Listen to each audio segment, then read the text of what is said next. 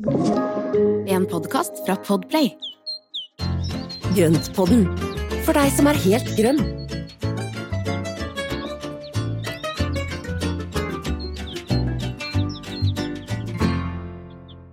Hallo alle sammen, og velkommen til Grønnpodden. Hallo Espen, du er der? Hei. Ja, her er jeg. Hei, Marianne. Hei. Og jeg ser det spirer i vinduskarmene dine. Herre min, så fint. Jeg har stor tro på tomaten i år, altså. Men jeg, ja, Ja. jeg kan, vi kan snakke, jeg, kan, jeg kan snakke mer om dem på, til slutten. Men, eh, men eh, altså, ja, velkommen til oss, da. I dag så skal vi snakke om stiklinger. Og jeg holdt på å si priklinger, men vi skal, det er Jo, jo men det blir jo det. Priklinger og stiklinger. Det er liksom fint. Eh, Det er jo det vi skal snakke om, da. For nå er det jo sånn at eh, mange av oss har eh, sådd våre frø, og så er det på tide å gjøre altså, veien videre, da. For disse små Mm. frøplantene våre. Og noen er jo ikke i gang. Altså alle frø har jo ikke sådd ennå, men det kan være greit å vite allikevel hva man skal gjøre. Og jo, jeg har sådd alt, jeg. Altså, Alt er sådd. men du, du Nei, har jo storproduksjon på lite område. Du er jo eh, Altså, jeg tenker jo at du er ekstrem, men så slår det meg at kanskje det er bare jeg som er utrolig knølen på frøa. For jeg, Nei, jeg får sånn hetta når det blir, jeg sår for mye. Men det som er vondt, det er jo da liksom de plantene man har til overs. Altså hvor skal man prikle, og hvor skal man gjøre alle de plantene man har til overs? Ja, og det Det er, er veldig sånn der vondt Ja, det er Ja. en vond følelse, og du, det, man kan jo liksom ikke kaste små liv. Nei, men det er jo det jeg har gjort da med tomatene. Altså, jeg har Mm. jeg, eh, Forferdelig.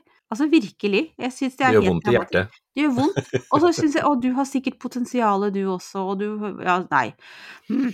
Men jeg prøvde å være litt streng med meg sjøl i år, så jeg har faktisk ikke Ikke Ja, hvor mange har jeg?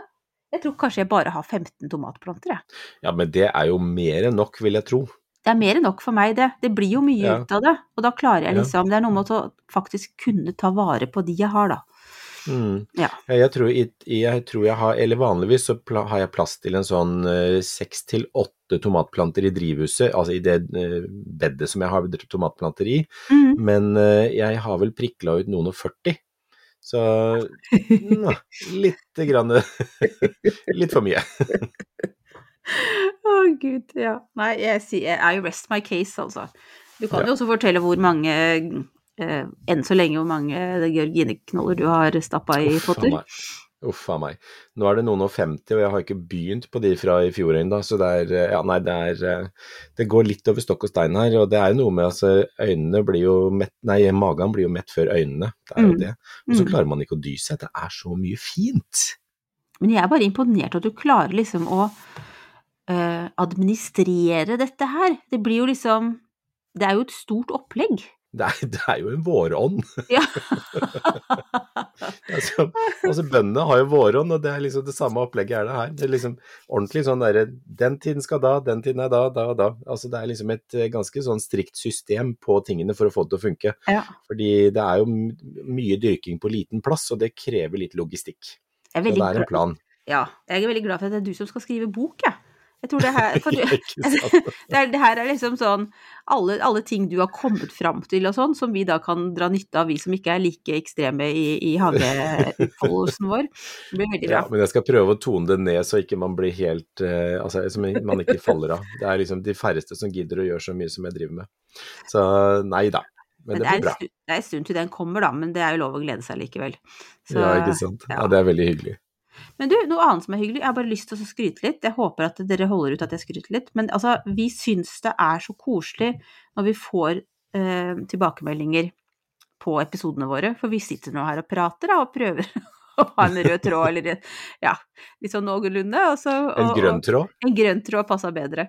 Eh, og da er det jo veldig hyggelig når vi som forrige episode om krukkehage og engletrompet, som jeg liksom på en måte følte at vi måtte etablere som et konsept som hang sammen. Men den tok dere til dere, den forsto dere med en gang. Det var jo kjempehyggelig respons. Og så blant Mm. annet Linda, som da har skrevet at eh, hun faktisk synes at det å høre på Grønnpodden på torsdagskveld, for da er hun hjemme alene Ungen sover, lillemor sover, sier hun, og da og samboeren er på fotballtrening. Og da setter hun seg ned med et glass med noe godt i, og så hører hun på Grønnpodden. Altså, det er bare Ja, bare det er jo sånn så hyggelig. wow. Det er kjempehyggelig. Ja, veldig, veldig Tenk at vi får lov å være med på det, ja. Ja, ja. Man blir litt ydmyk av det. Det er det gærent. Det er så koselig, altså. Så sånn setter vi veldig pris på. Altså, vi er litt uvanlige, vi setter veldig pris på litt skryt. vi er ærlige om det, da. Ja. Men du, skal vi eh, prøve å liksom komme oss tilbake til eh, episodetemaet igjen, eller? Ja, til Er- priklinger? Ja, er du klar? Ja, det er jeg. Og hvis dere syns at vi fortsatt, eller at jeg er fortsatt faktisk klar til å være litt vårforkjøla ennå, og Espen har nå slengt seg med, så Jeg blir smitta av deg. ja, det er fantastisk. Du satt for nært mikrofonen. ja, det, vet du, det er helt Nei, det er jo Skyld på meg, jeg er det vant til det. Ja, ikke sant? Men det er som vi sa sist, at det er noe med at det, akkurat den tida nå, så er det veldig mye inn og ut. Ut med varmt på dagen og kaldt på morgenen og kaldt på kvelden, og så glemmer man å kle seg litt. Så ta på godt med klær når dere er ute, og Mhm. så pass på å ikke få altfor mye liksom, skiftninger. Så hold dere friske alle sammen. Ja, bruk ull. Ull over og under. Ja, overalt. Eh, det var nok en digresjon. La... du, altså, jeg har alltid lurt på hvorfor det heter prikling. Kan jeg få lov til å begynne der?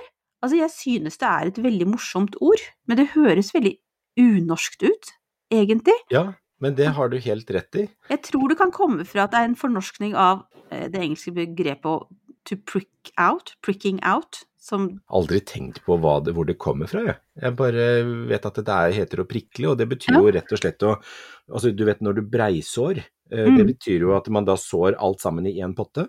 Så det å prikle er jo da å ta de fra hverandre og sette de i hver sin potte etterpå. mm, Når plantene er store nok til å bli håndtert. Ja.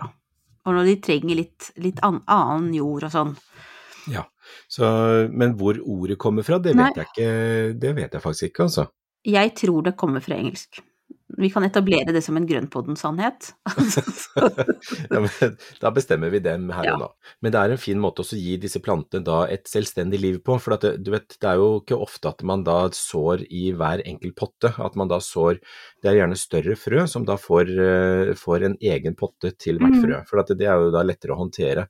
Men hvis man skal så da litt mindre ting, sånn som koleus, disse her praktspraglene eller palettblad, eller andre ting, løvemunn, sinja, alt det der som har de der bitte, bitte, bitte små frøene, Mm. da blir det litt sånn problematisk å plukke ut ett og ett frø i pottene, og da bruker vi heller å breiså. Og da strør vi det bare jevnt utover, og så, og så vil, vil de begynne å spire på altså, og i en del tilfeller så står de fryktelig tett, og det gjør jo at de begynner å konkurrere om plassen og konkurrere om næringa. Og når de da står og konkurrerer, så vil ingen av de egentlig utvikle seg godt. Så det som er viktig er jo da når de får opp eh, det første bladsettet som kommer etter eh, at de har spira fra frøet, så kommer det opp en stilk, så kommer det da et par blader, og det er frøbladene. Mm. Og det er jo de første bladene som skal begynne å, å liksom etablere seg, slik at røttene kan begynne å jobbe videre, og for så å sette videre ordentlige blader. Så når frøbladene er utviklet, og eh, du kan kanskje se antydning til nye blader, som da er de ordentlige bladene, så kan vi ta og prikle. Ja, akkurat. Jeg har alltid trodd at det var når det første ordentlige bladparet kom, jeg. Det ser du. Det kan man også gjøre. Ja, det kan man også gjøre, men det er, noen ganger så er det jeg har, altså Min erfaring er at det, noen ganger hvis jeg venter litt for lenge, så Mm. begynner de å og så begynner det å gulne, og så blir det ikke helt Det blir ikke så stas. For at den der såjorda vi bruker, den er jo ofte, eller som regel, så er det en næringsfattig jord. Og når de da begynner å skal jobbe videre med vanlige blader, så er det ikke nok næring til å liksom komme ordentlig i gang, og så Nei. stopper de litt opp. Mm. Så noen ganger så glemmer jeg meg, og så står de litt lenger, og da er det fort at det blir gult og liksom vassent hele greiene. Mm. Ja, men det syns jeg var interessant å vite. Da, for jeg har liksom tenkt at måte, det var forbudt å gjøre det. Nei, men det er ingenting som er forbudt. Alt er lov. Jeg tenker med planter og hage så er alt lov. Ja. Så man må bare finne sin egen vei på hvordan det funker best mulig. Og, og noen ganger så lar jeg det stå til de har fått eh, ordentlige blader. Det kommer litt an på hvor tett spirene står. Mm. Altså står de veldig, veldig tett, så er det veldig greit å kunne ta og enten og bare nappe bort noen innimellom, sånn at ikke du da Eller at du rett og slett tynne ut. Mm. og da kaste noen av de hvis det er ekstremt mange, for du trenger jo ikke så mange. Eller at man da begynner å prikle ut når frøbladene er godt utvikla. Ja, ok. Så da løfter man dem opp. Og da har jeg Ja, lært at man ikke Vanne godt først. Vanne godt vann, først, så det vann godt først, mm. ja, så det løsner. Mm. Så blir så litt løse å finne i, i røttene, det, I- i røttene. det ja. lille de har av røttene. Og så Ja. skal man da ikke grave med hendene helst, kanskje, men ta noe som man kan være litt sånn få, liksom få, grave litt ned i jorda. Du ser hva jeg Ser det så fint jeg holder nå? Ja, du holder, du holder Holder forsiktig. jeg. jeg holder ikke stilken, for den er veldig sårbar. Så jeg holder i et veldig- lite blad. Det er veldig lite, som du ser. Og så graver Mhm. jeg litt ned slik at jeg får med meg røttene, og så løfter jeg det forsiktig opp til neste Ja. hjem. Ja, og da er det kjempefint å ha en liten sånn plantepinne eller Mm. et eller annet sånt, så man kan da rett og slett rote litt i jorda med, vippe opp røttene med, eller at man da har løftet ut hele rotklumpen og tar fra kant, slik at du da kan da løsne de fra kanten av. Og hvis du da holder i frøbladet, og så kan du da bruke en liten plantepinne, og så pirker du løs røttene fra siden, og så tar du lager et lite hull i en ny potte, stikk, eller slipper planta ned, og så presser forsiktig rundt røttene, ikke for hardt Nei. og så vanner over etterpå. Og Mm. på den måten så vil jo da jorda sette seg og feste seg rundt røttene, slik at Mm. den da har god kontakt etterpå. Grunnen til at du ikke klemmer så hardt ned på jorda, er for at du vil ikke ødelegge røttene på noen måte. Nei. Nei. Mm. Og du vet når du vanner, så vil jo jorda falle sammen på en Ja. naturlig måte, og dermed så vil den da få god kontakt allikevel. Mm. Så disse frøplantene er jo så sårbare og, og, og sarte, så det er om å gjøre å være forsiktig. Så når du prikler, så, så vil jeg også anbefale å ikke bruke hansker. Eh, fordi at da har du ikke den samme følelsen, eller den Mm. finfølelsen med fingrene, at du da holder kanskje for hardt, eller at Mm. du uh, skaper ugagn for, for frøplantene. Det er liksom finmotorikken som vi får bruk for her, ikke sant. Det er en liten Mm. øvelse, det. Det er en liten trening for, eh, for fingrene. Mm. Og oss som begynner å bli både nærsynte og langsynte og trangsynte, så må vi også ha lesebriller på, for å se hva vi driver med. For det er noe av det er veldig smått. Eller lupe, ja. Ja, for det er ganske smått. Jeg tenker da med en gang på mine knøttsmå verbenaer, Mm. som aldri Skal jeg prikle dem nå? Siden de står der Kanskje de står litt trangt? Ja, det kan godt hende, og hvis disse plantene da står stille og ikke det skjer noe, så tenker jeg at da ville jeg planta om. Da ville jeg gitt dem en god næringsrik jord, og så få flytta de over. Og det Mhm. er jo eh, egentlig så De skal jo ikke være så små at ikke de kan håndteres, men så fort de kan håndteres, så er det greit å flytte de over. Jeg tror det er en fordel at jeg har så små fingre, så Ja. jeg tror jeg, jeg, tror jeg skal klare det. Ja, vet du hva, jeg prøver, for det, det er liksom De gnager på meg. Så jeg tror jeg gjør det, og går ikke, så kommer jeg til deg og ber pent. Da skal du få, da skal du få av meg. Ja. Eh, men det som er også med kjempeverbena, den er jo også veldig fin. Hvis du har da noen som er i, kommet i god vekst, så kan du knipe av toppen og enten sette i vann, så utvikler den røtter, eller å stikke rett i en potte med da litt grann, eh, altså enten plast over eller i et minidrivhus, Mm. så vil de da slå røtter på kort tid, og vips, så har du nye planter. Så Fra prikling til stikling, da, faktisk. Så altså små frøplanter som du topper kan ofte da brukes som, eh, som stiklingsmateriale. Mm. Og på den måten så kan du da få flere, og sånn som kjempeverbena kan man jo nesten ikke få nok av, for at de kan jo da settes ut i bed langs med kanter og innimellom andre stauder og, og bare være fine der. Så de er kjempefine uansett. Og de er så fine. Jeg føler at det er sånn Mm. enveiskjærlighet i mitt uh, tilfelle. Men altså, jeg kjenner jeg blir litt sånn sår når du sier det sånn, ja, da kan du bare ta en stikling av hvis du topper litt. Ja. Det er ikke så mye å toppe ennå. Det er ikke noe å toppe enda. Men nei, ikke sant. Men det kan hende, jeg vet ikke, hva brukte du av jord når du sådde de? Brukte du en såjord? Ja. Og den er næringsfattig, og igjen, frøplantene av kjempeverbena er jo så knøttrende små. Mm. Og når den begynner å utvikle seg, og da er det veldig fort at det stagnerer. Så det med såjord, det er jo liksom todelt. Det er veldig bra å starte med det, men plantene må over i næringsrik jord for å få noe fart. Mm. Og det er, det er kjempeviktig, for ellers så vil de ikke utvikle seg ordentlig. Og det å da ha en god plantejord og flytte de over så fort det er mulig å håndtere de, så vil det kunne skje. Så dette her blir et spennende eksperiment, Marianne. Ja da, jeg, da gjør jeg dette for oss alle. Det er, mm. altså, for de ser friske ut, jeg bare, altså, mikroskopiske. Det, er ikke, det er ikke dverg lenger, det er mikroskopisk kjempeverben. Fra vondt i været. over, ikke sant? Men sett de over i, i plantepotter, og da kan man enten da putte de, siden de er så små, så kan man sette de i sånne fem centimeters potter, eller så Mhm. er det veldig fint å sette opp i de der ni centimeterne firkantpotter. Fordi det er eh, altså veldig sånn plassbesparende hvis du skal ha mange av de, og så sette de i et plantebrett. Ja. At Har du firkanta potter, så får du maks utnyttelse av plassen. Det er smart. Så jeg bestilte jo mer av de i går. Jeg måtte jo, jeg måtte jo bare. Jeg har brukt opp de jeg hadde. Men hvis jeg setter en veldig liten eh, priklet plante ned mm. i en sånn 9 centimeter, vil den da føle seg lost? Altså, Som regel ikke. Nei. Som regel ikke. Og det er jo litt av de plantene som da Én ting er altså har vi store etablerte planter som skal pottes om, så skal man gjerne øke bare en liten pottestørrelse. Men på, på frøplanter så er de liksom Da er de i startgropa for å vokse, og da Mm. er det greit at de har litt plass å vokse på. Okay. Så det er litt forskjell på det. Mm. Ja, men det er greit å vite. Mm. Nå har vi snakket litt om jord, og såjord og vanlig jord. Mm. Eh, og, så man kan altså egentlig kanskje bare bruke vanlig jord hele tiden, men jeg syns jo det føles trygt å bruke såjord når man Såjord sår frø. er lurt. Ikke ja, sant? Såjord er lurt. Men alternativet til å kjøpe ferdig såjord er å bruke en jord du har fra krukker fra i fjor.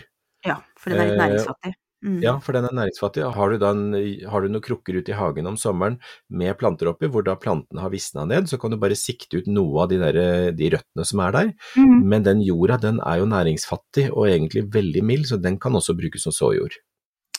Det er jo et veldig godt tips. Så gjenbruk den jorda. Ikke sant? Det er, nå er vi på litt sånn Det er også økonomisk og litt Ja. sirkulært og alt mulig, der. Veldig Ja. bra. Og hvis du da har lyst til å bruke den jorda opp igjen med da ferdig planter og sånne ting, så blander du inn bare litt kompostjord eller ny næringsrik jord. Mm. Så aldri kast jord. Gjenbruk det du har. Mm. Men når vi nå kommer på prikling, da mm. er det jo på tide å bytte fra såjord til en Ja. vanlig jord. Og da må vi ha en vanlig jord med godt med næringsstoffer i, for at da skal planten ha alle byggestenene den trenger for å komme i gang. Den skal vokse og den skal bli stor og sterk for å da gi god blomstring eller avling for sommeren. Så da er det kjempeviktig å ha næringsrik jord. Mm. Så den bør være en god krukkejord for eksempel, eller, eh, eller noe tilsvarende. Men jeg bruker jo da å, å ofte blande inn litt knust leka eller perlitt i den jorda når den skal prikles, fordi da får den litt mer struktur, det blir litt mer luft som da gir oksygen til røttene på den lille frøplanta. Mm. Ja, så det kan man også gjerne gjøre. For det Mm. er som regel ikke en del av krukkejorda. Noen har jo det, men det er bare det at det, jeg syns ofte det er litt lite, så jeg pleier å blande inn en neve med det, sånn at jeg bare kjenner at det blir sånn passelig Mm. struktur på jorda. Ja. Uh, og min erfaring er at det, det tørker jo ofte litt fortere ut, men da får de mer oksygen, og så vil plantene trives bedre. Den blir litt lettere og litt mer porøs. Ja, da kan vi prøve Så det. er jo mm. Merker du hvordan jeg nå, nå prøver å ikke si smart? Hører det. det sa jeg veldig mye sist gang, folkens, så jeg beklager. Jeg henger meg opp noen ganger. Jeg, jeg tror at jeg blir så opptatt av hva du sier, og så bare vil jeg liksom Nei, må- bekrefte at du sier noe bra, og så blir det bare- samme ord. Men du må jo bare være deg sjøl. Ja, det er jo sånn det. er det. Det er jo det, Espen. Det er ikke så farlig, det. Nei da. Men skal vi se, er det noe mer vi skal si? For jeg har lyst til å ta opp det med gjødsling, for det lurer jeg litt på. Når, Ja. når kan jeg begynne å gi dem litt ekstra næring? Eh, Ekstra næring og gjødsel, tenker du på frøplantene, eller de, de vi har prikla om? ja, nå, nå er vi liksom på priklingen, ikke sant, så Ja. er, jeg har ikke gjort noe gærent før det, men nå tenker jeg jo at kanskje de trenger litt ekstra næring etter hvert. Og Ja, og det stemmer. For at det, du vet, når da vi, altså når vi prikler om til en god næringsrik jord, så vil det være en del næring i jorda, og da skal jo røttene etablere seg på nytt, og de skal finne nye veier, og da finner de en del næringsstoffer i den jorda som er. Men når vi ser at planta begynner å liksom, altså du ser at den legger på seg litt i stilken, Mm. den får større blader, og den, du ser at den begynner å vokse litt eh, ordentlig, da kan vi begynne med en svak gjødselblanding. Og det som er da, vent til planta er i god vekst, og så Mhm. kan vi begynne å gjødsle lite grann. hva er en Og svak gjødselblanding? Og hva er en sterk en? altså, det er litt avhengig av gjødseltypen du bruker, Mm. men du kan se bakpå på, på flaska med, med gjødsel, øh, og så kan man da starte med halv dose, og Ja. så kan man øke litt etter hvert til de Bedre da er i full vekst. Ja. Er det bedre å ta litt for lite enn for mye? Absolutt. Ja, For tar du for mye, så svir du røttene, og dermed så kollapser hele planta. Så, ja. Men det er jo som babyer, ikke sant. De må ha babymat, og så må de ha litt mer fast føde, og så må de ha enda litt mer, mer voksenmat, og til slutt så spiser du en blodig biff. Ja. Eller en kålrabi. Nei, men Ja. altså, det er, det er liksom for vegetarianere og og fleksitarianere. Du er veldig flink til å inkludere alle sammen. Kaller meg selv fleksitarianer, jeg tror jeg. Ja, jeg tror jeg er òg. Spiser det som er godt når det passer. Men er det noe alternativ til å gi litt uh, gjødslingsvann, og så blande inn noe sånn kukompost, holdt jeg på å si, eller hønsemøkk? Altså kan man Det lukter sikkert forferdelig, da, men altså er det Ja. noe Skal det helst være flytende? I tilfelle altså, Nei, tilfelle det noen er- lurer. Nei, ja. nei, men det er jo ikke, det er ikke noe fasit på det. Noen blander jo ut hønsemørk altså i vannet, og vanner med det. Det som er at det, Ofte så er det litt vanskelig å dosere når plantene er så små. Mm. Så det å dosere da naturgjødsel er kanskje ikke så enkelt i en så tidlig fase. Og Derfor så kan det være greit å bruke da en, eh, en flytende gjødsel. Og det finnes jo da disse organiske gjødselblandingene også, hvor nå husker jeg ikke hva det heter for noe, men det er jo da mer organisk eh, gjødsel som er i en del som flytende også, og Mhm. det kan også være greit å bruke. Jeg bruker en som er Jeg husker nå husker jeg ingenting. Det er, Er det biobakt? Kan det være noe sånt? Nei, altså min er sånn en liten grønn flaske. Den Ja. er eh, Altså, den gjør susen. Den er veldig Mm. god. Jeg husker jeg dessverre bra. ikke hva den Det var veldig godt tips, ikke husker navnet eller noe. Men ikke sant? Ja. Ja, nei, men man finner da denne gjødselen som man liker, eller som man da bruker, og så, og så tenker jeg at det funker fint, ja, men start forsiktig, og så gjør det litt mer, eh, altså fylle på litt mer etter hvert.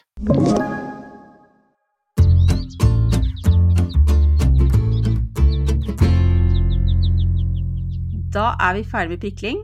Nå tror jeg vi i hvert fall vet hva vi skal gjøre. Vi er kanskje fortsatt litt usikre på ordets opphav, men vi har da i hvert fall etablert en grønnpodden-forklaring. Um, skal vi gå videre til stikling, da? Kan man jo også Ja. lure på hvorfor det heter stikling, men det, jeg har ikke gjort noe research der, så vi bare hopper rett på det praktiske. Men stikling, altså det er jo, det er jo også, altså du stikker jo, ofte så stikker du de ned i jorda, kan det være det? Det kan det det godt Du tar en bit av en plante og stikker i jorda, og dermed så og, Så det Vi vi kan, vi kan kalle det det. Ja. Men det er jo egentlig den eh, enkleste måten å formere en plante på, sånn som vi har snakket om før. Og det som er fordelen med å ta stiklinger, er at vi får en genetisk kopi. mm, Sånn at hvis det er en helt spesiell sort, så er det det å ta en stikling gjør at da får vi med de egenskapene videre til en ny plante. mm. Og det er jo en fordel noen ganger.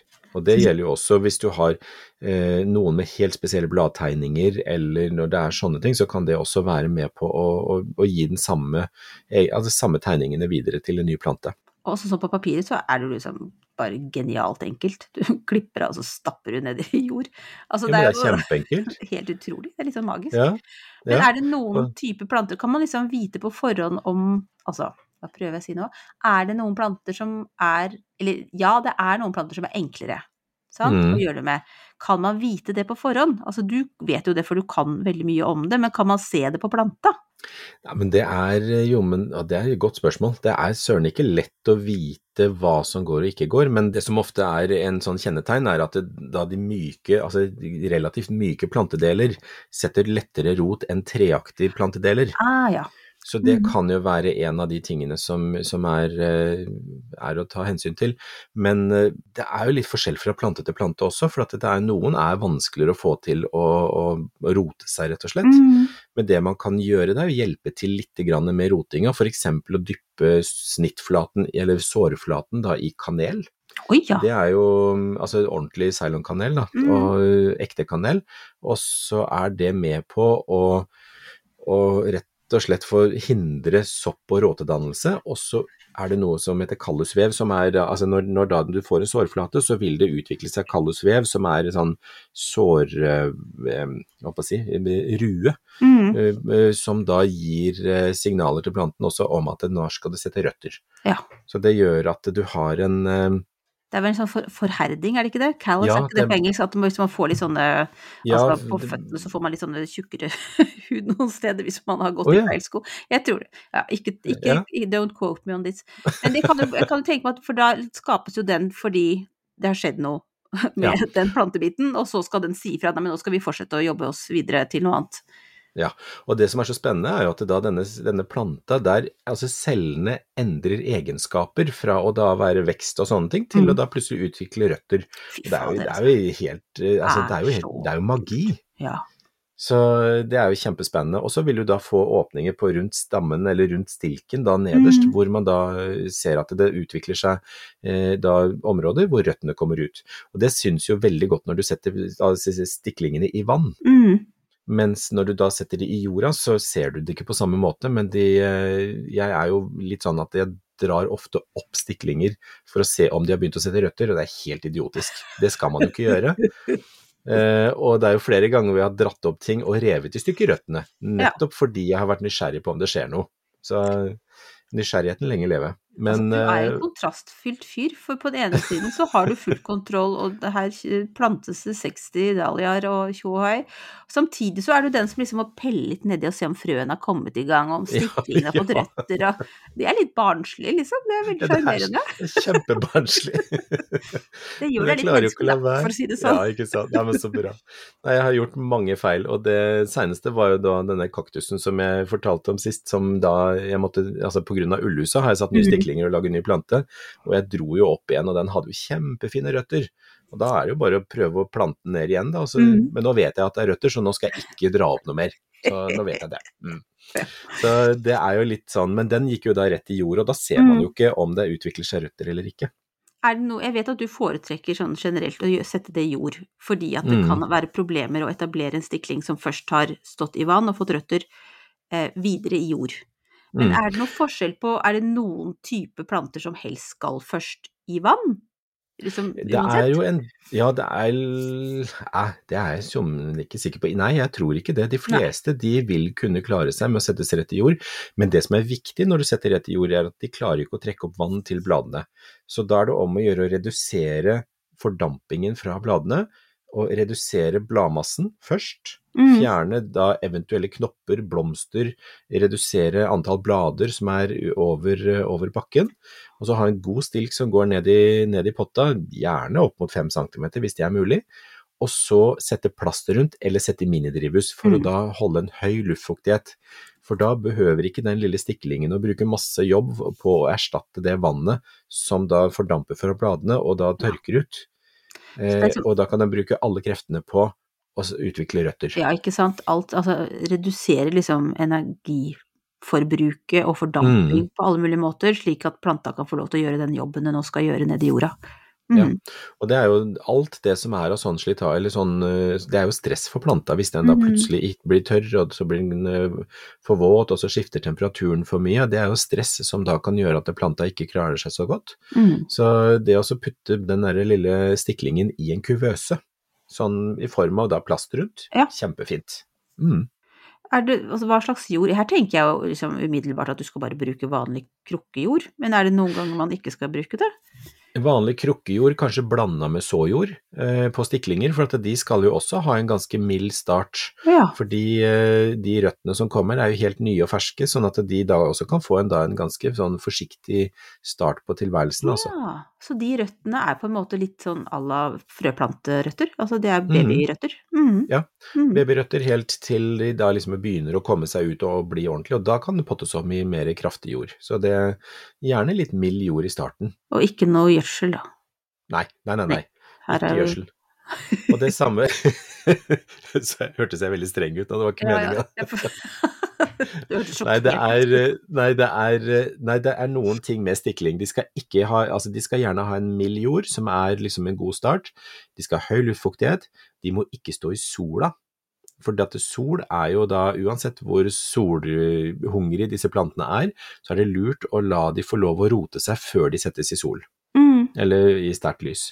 Og så bør de ikke ha, ha gjødsel, for at det vil kunne svi av de der små sarte røttene som er i ferd med å utvikle seg. Så de at i starten så er de, så er de jo liksom som babyer, altså. Mm. Ja, er det noe mer? Vet du, jeg jo, jeg har lyst til å si at dere kan må høre på, hvis dere vil høre på enda mer tips, og lure på forskjellen mellom stikling og avlegger, så har vi jo i episode 17 det som tema.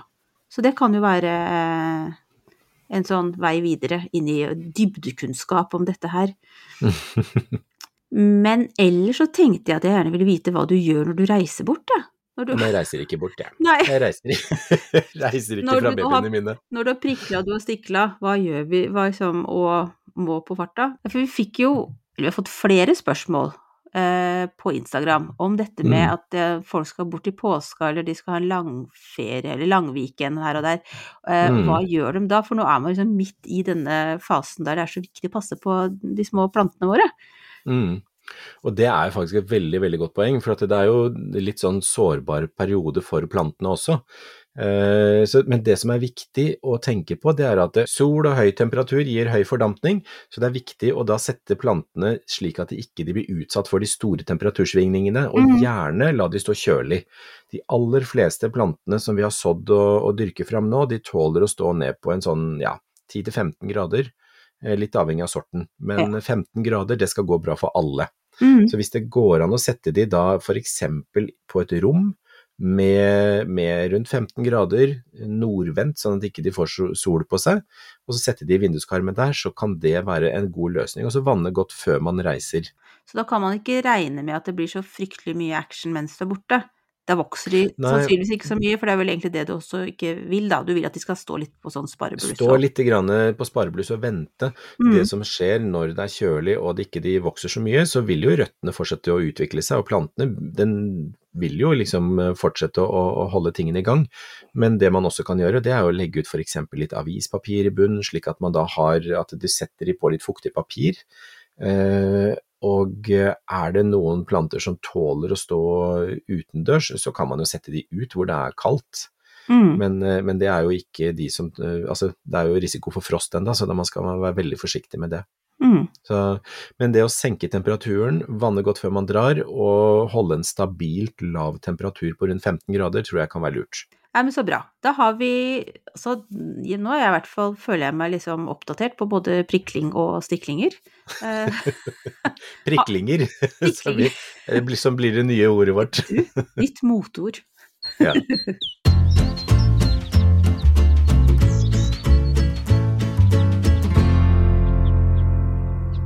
Apropos moteord og moter og trender. Altså jeg Vi har jo lyst Jeg, sier jeg. Tok jeg liksom den. Altså, vi har lyst til å reetablere en plante, vi. Vi ja, men det var ditt forslag, Ja, så jeg er var- veldig ja. glad for det. Så jeg, Ja. ta, ta det. Ja, jeg det tar må du gjøre. Mm. Ukas plante. Det, jeg fikk jo liksom Fikk det gjennom, da. Eh, hos eksperten. Det er rett og slett husfred. Som, Ja. Så vi begge begynte å mimre om. For det var sånn Altså, den var jo i annethvert Bonytt på 70-tallet, i hvert fall. Mm, Jeg husker det var det jeg drømte om jeg skulle ha på rommet, men problemet var jo det at det, jeg tok jo knekken på dem rimelig fort på pikeværelset. Det var jo litt vanskelig å holde dem i live. Ja, men de Eh, er jo ikke av de enkleste, så det Nei. er jo, det er jo en sånn vrien plante, men de er jo så fine. mm. Og det er sånn nostalgiplante. Ja, og samtidig som de har et veldig moderne, altså de har et veldig minimalistisk utseende. Det er jo som en pute med grønt. Ja, stramme, fine, veldig, veldig fine planter. Mm. Og etter at du nevnte det, så har jeg ikke, jeg tenkte jo på at jeg har jo ikke hatt den på mange år, så jeg fikk veldig lyst til å altså, få meg en ny husfred. Mm. Og det er jo da en, eh, det er jo en superfin liten plante. Den, det er jo sånn krypende stengler som da er lette å rote, så kjenner du noen som har en, så er det bare å ta noen biter av, eh, av disse stilkene, legge på jorda, og vipp, så har du en ny plante på et øyeblikk. Mm. Ja. Kan man ha ha den ute om sommeren? Ville du hatt Ja. den? Det slo meg plutselig at det kunne vært veldig fint i den lille krukkehagen. så sånn for, første rad så kan det være litt sånn små puter, og så Ja. ja. Nei, de, kan kjempe, altså de er kjempefine å ha ute, og de kan faktisk klare seg utendørs på vinteren i de aller mildeste områdene av Norge. Mm.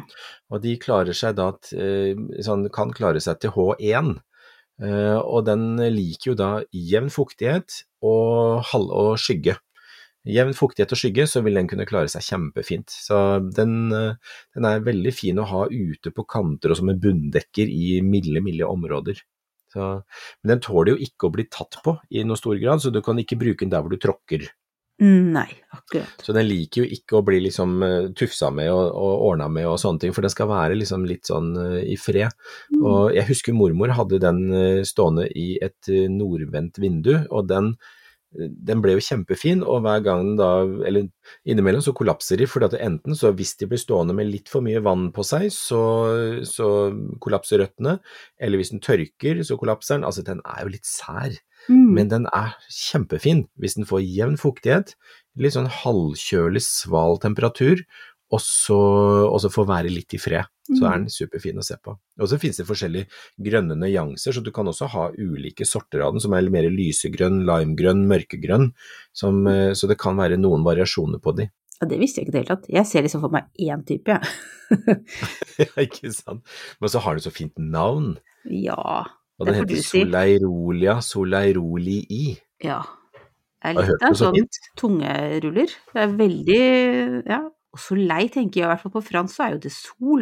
Så det er jo litt sånn uh, ironisk, da, i og med at den skal ikke ha så mye sol. ikke sant. Men det er veldig fin. Så altså, ja til mer husfreder. Mm. Få fram husfreden igjen. Ja. Og den er, den er kjempefin. Jeg skal i hvert fall ut og skaffe meg en, for at jeg vil ha den tilbake. Jeg også. Det vil jeg. Ja. Mm. Så bra. Da er vi enige om det. Ja. Eh, så er spørsmålet for uken er da Det er noe helt annet, da. Men ja, litt mer robust. Det er Ja. liksom mer grunnleggende ting, det. ja, kan jeg plante ut uh, Altså, kan jeg plante barotstauder rett ut? Ja, og det er jo kjempegodt spørsmål, for det, det er jo nå så er det jo veldig mange som kjøper barotstauder. Og det er jo som navnet sier, det er jo stauder uten, eh, eller med bare røtter, som da man Mhm. kjøper og får eh, tilsendt i posten. Uh, og det er jo veldig mange som selger det på nettbutikker, og det er jo en, egentlig en veldig fin måte å, å kjøpe stauder på. Du kan få tak i planter som du ikke får tak i på ditt nærmeste gartneri og hagesenter og litt andre sorter, men eh, som regel så planter man de i potte først, fordi at da har vi bedre kontroll på temperatur, fuktighet og alt sånt. Men eh, du kan godt plante de ut, men da er det veldig viktig at jorda er god og varm, at det er liksom stabil temperatur, helst over pluss. Eh, At de får jevnt med vanning. Så det krever litt mer sånt stell og tilsyn om du planter de rett ut. Mm. De skal jo helst ikke stå i sola. Mm. Ja, ikke sant. Så du må også se, passe litt mer på vær og vind, eh, hvis du skal velge den løsningen, da, istedenfor å ta en sånn mellomstasjon i en potte. Ja. Mm. Og da Mellomstasjonen i en potte er egentlig mye bedre, for at da har du en mer kontroll på hvordan, eh, hvordan de utvikler seg. fordi det som er med barostaudene er at det, der må røttene etablere seg litt på nytt før de begynner å vokse. For Mm. hvis man da planter de og setter de for varmt, eller at de får sol, så vil de begynne å strekke seg og vokse i bladverket uten at røttene har hengt med, og dermed så dør planta. Mm. Så, så enkelt er det. Ja. Mm. Så igjen, rot og topp henger alltid sammen. ja. Og her sier vi ikke hull i bunn, men dere vet at det er også et godt råd som kanskje ikke passer helt Jo, men ja, Ikke sant. Men skal de stå i potte, så må det være hull i bunn. Da Ja. er det hull i bunn. For at da venter man til man ser litt røtter under i, i hullene under, og da er de klare for å plante huset ut. Gud, det var nesten litt relevant det jeg sa da. Ja, men det var kjempefint. Ja, ja, ja. Det var superrelevant. Ja. Elegant over til hva du holder på med nå, Espen. Ja, og nå driver jeg og smelter is.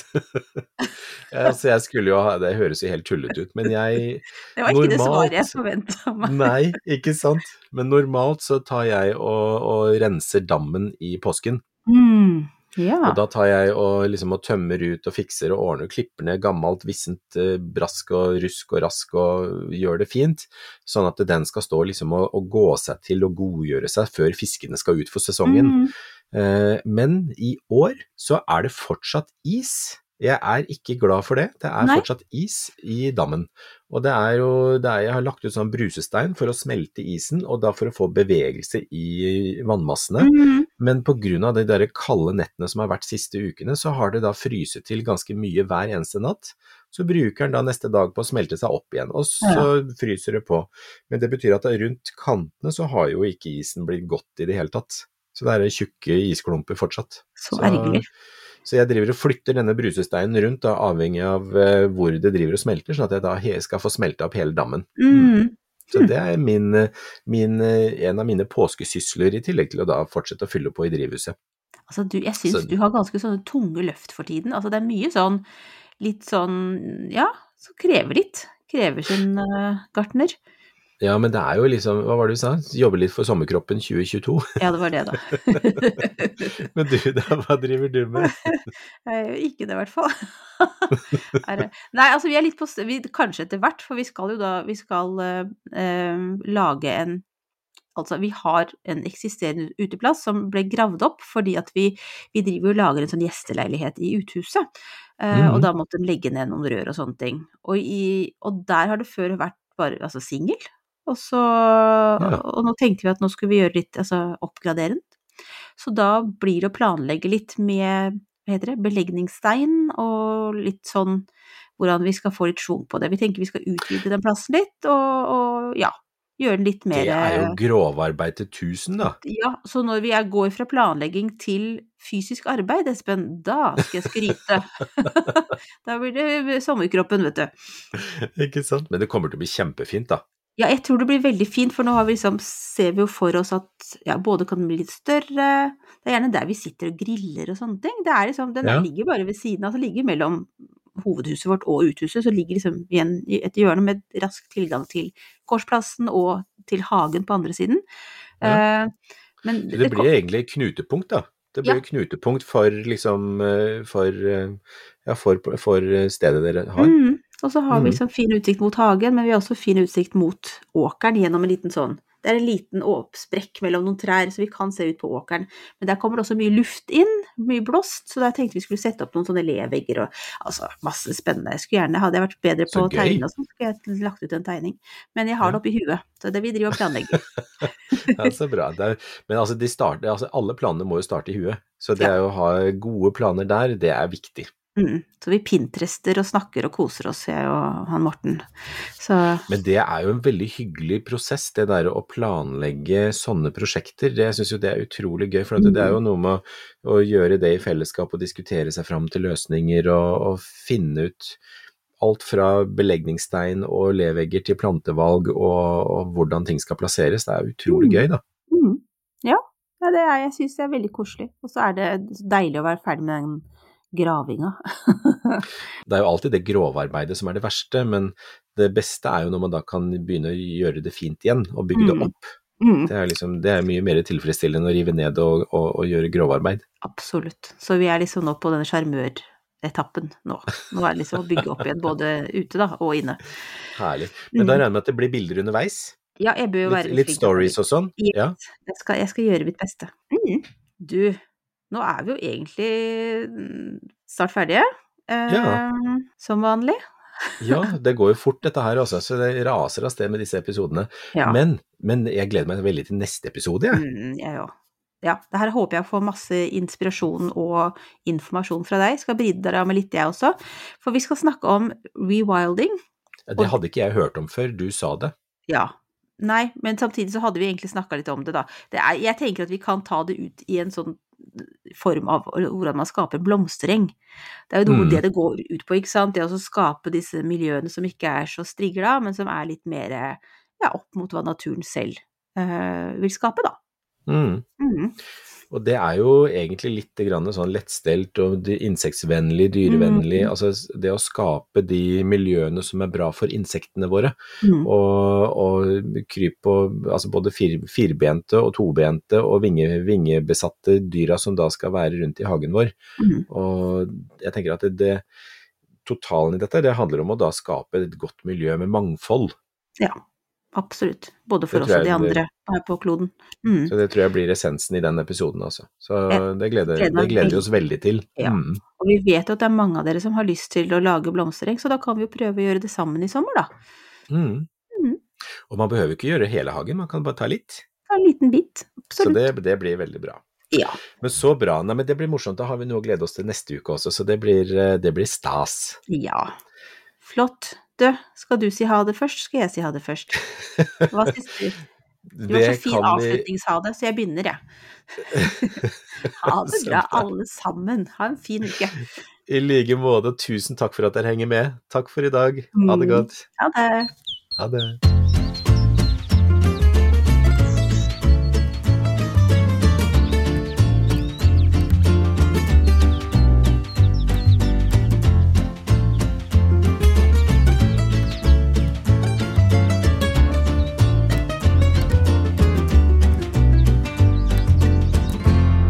Du har hørt en podkast fra Podplay. En enklere måte å høre podkast på. Last ned appen Podplay, eller se podplay.no.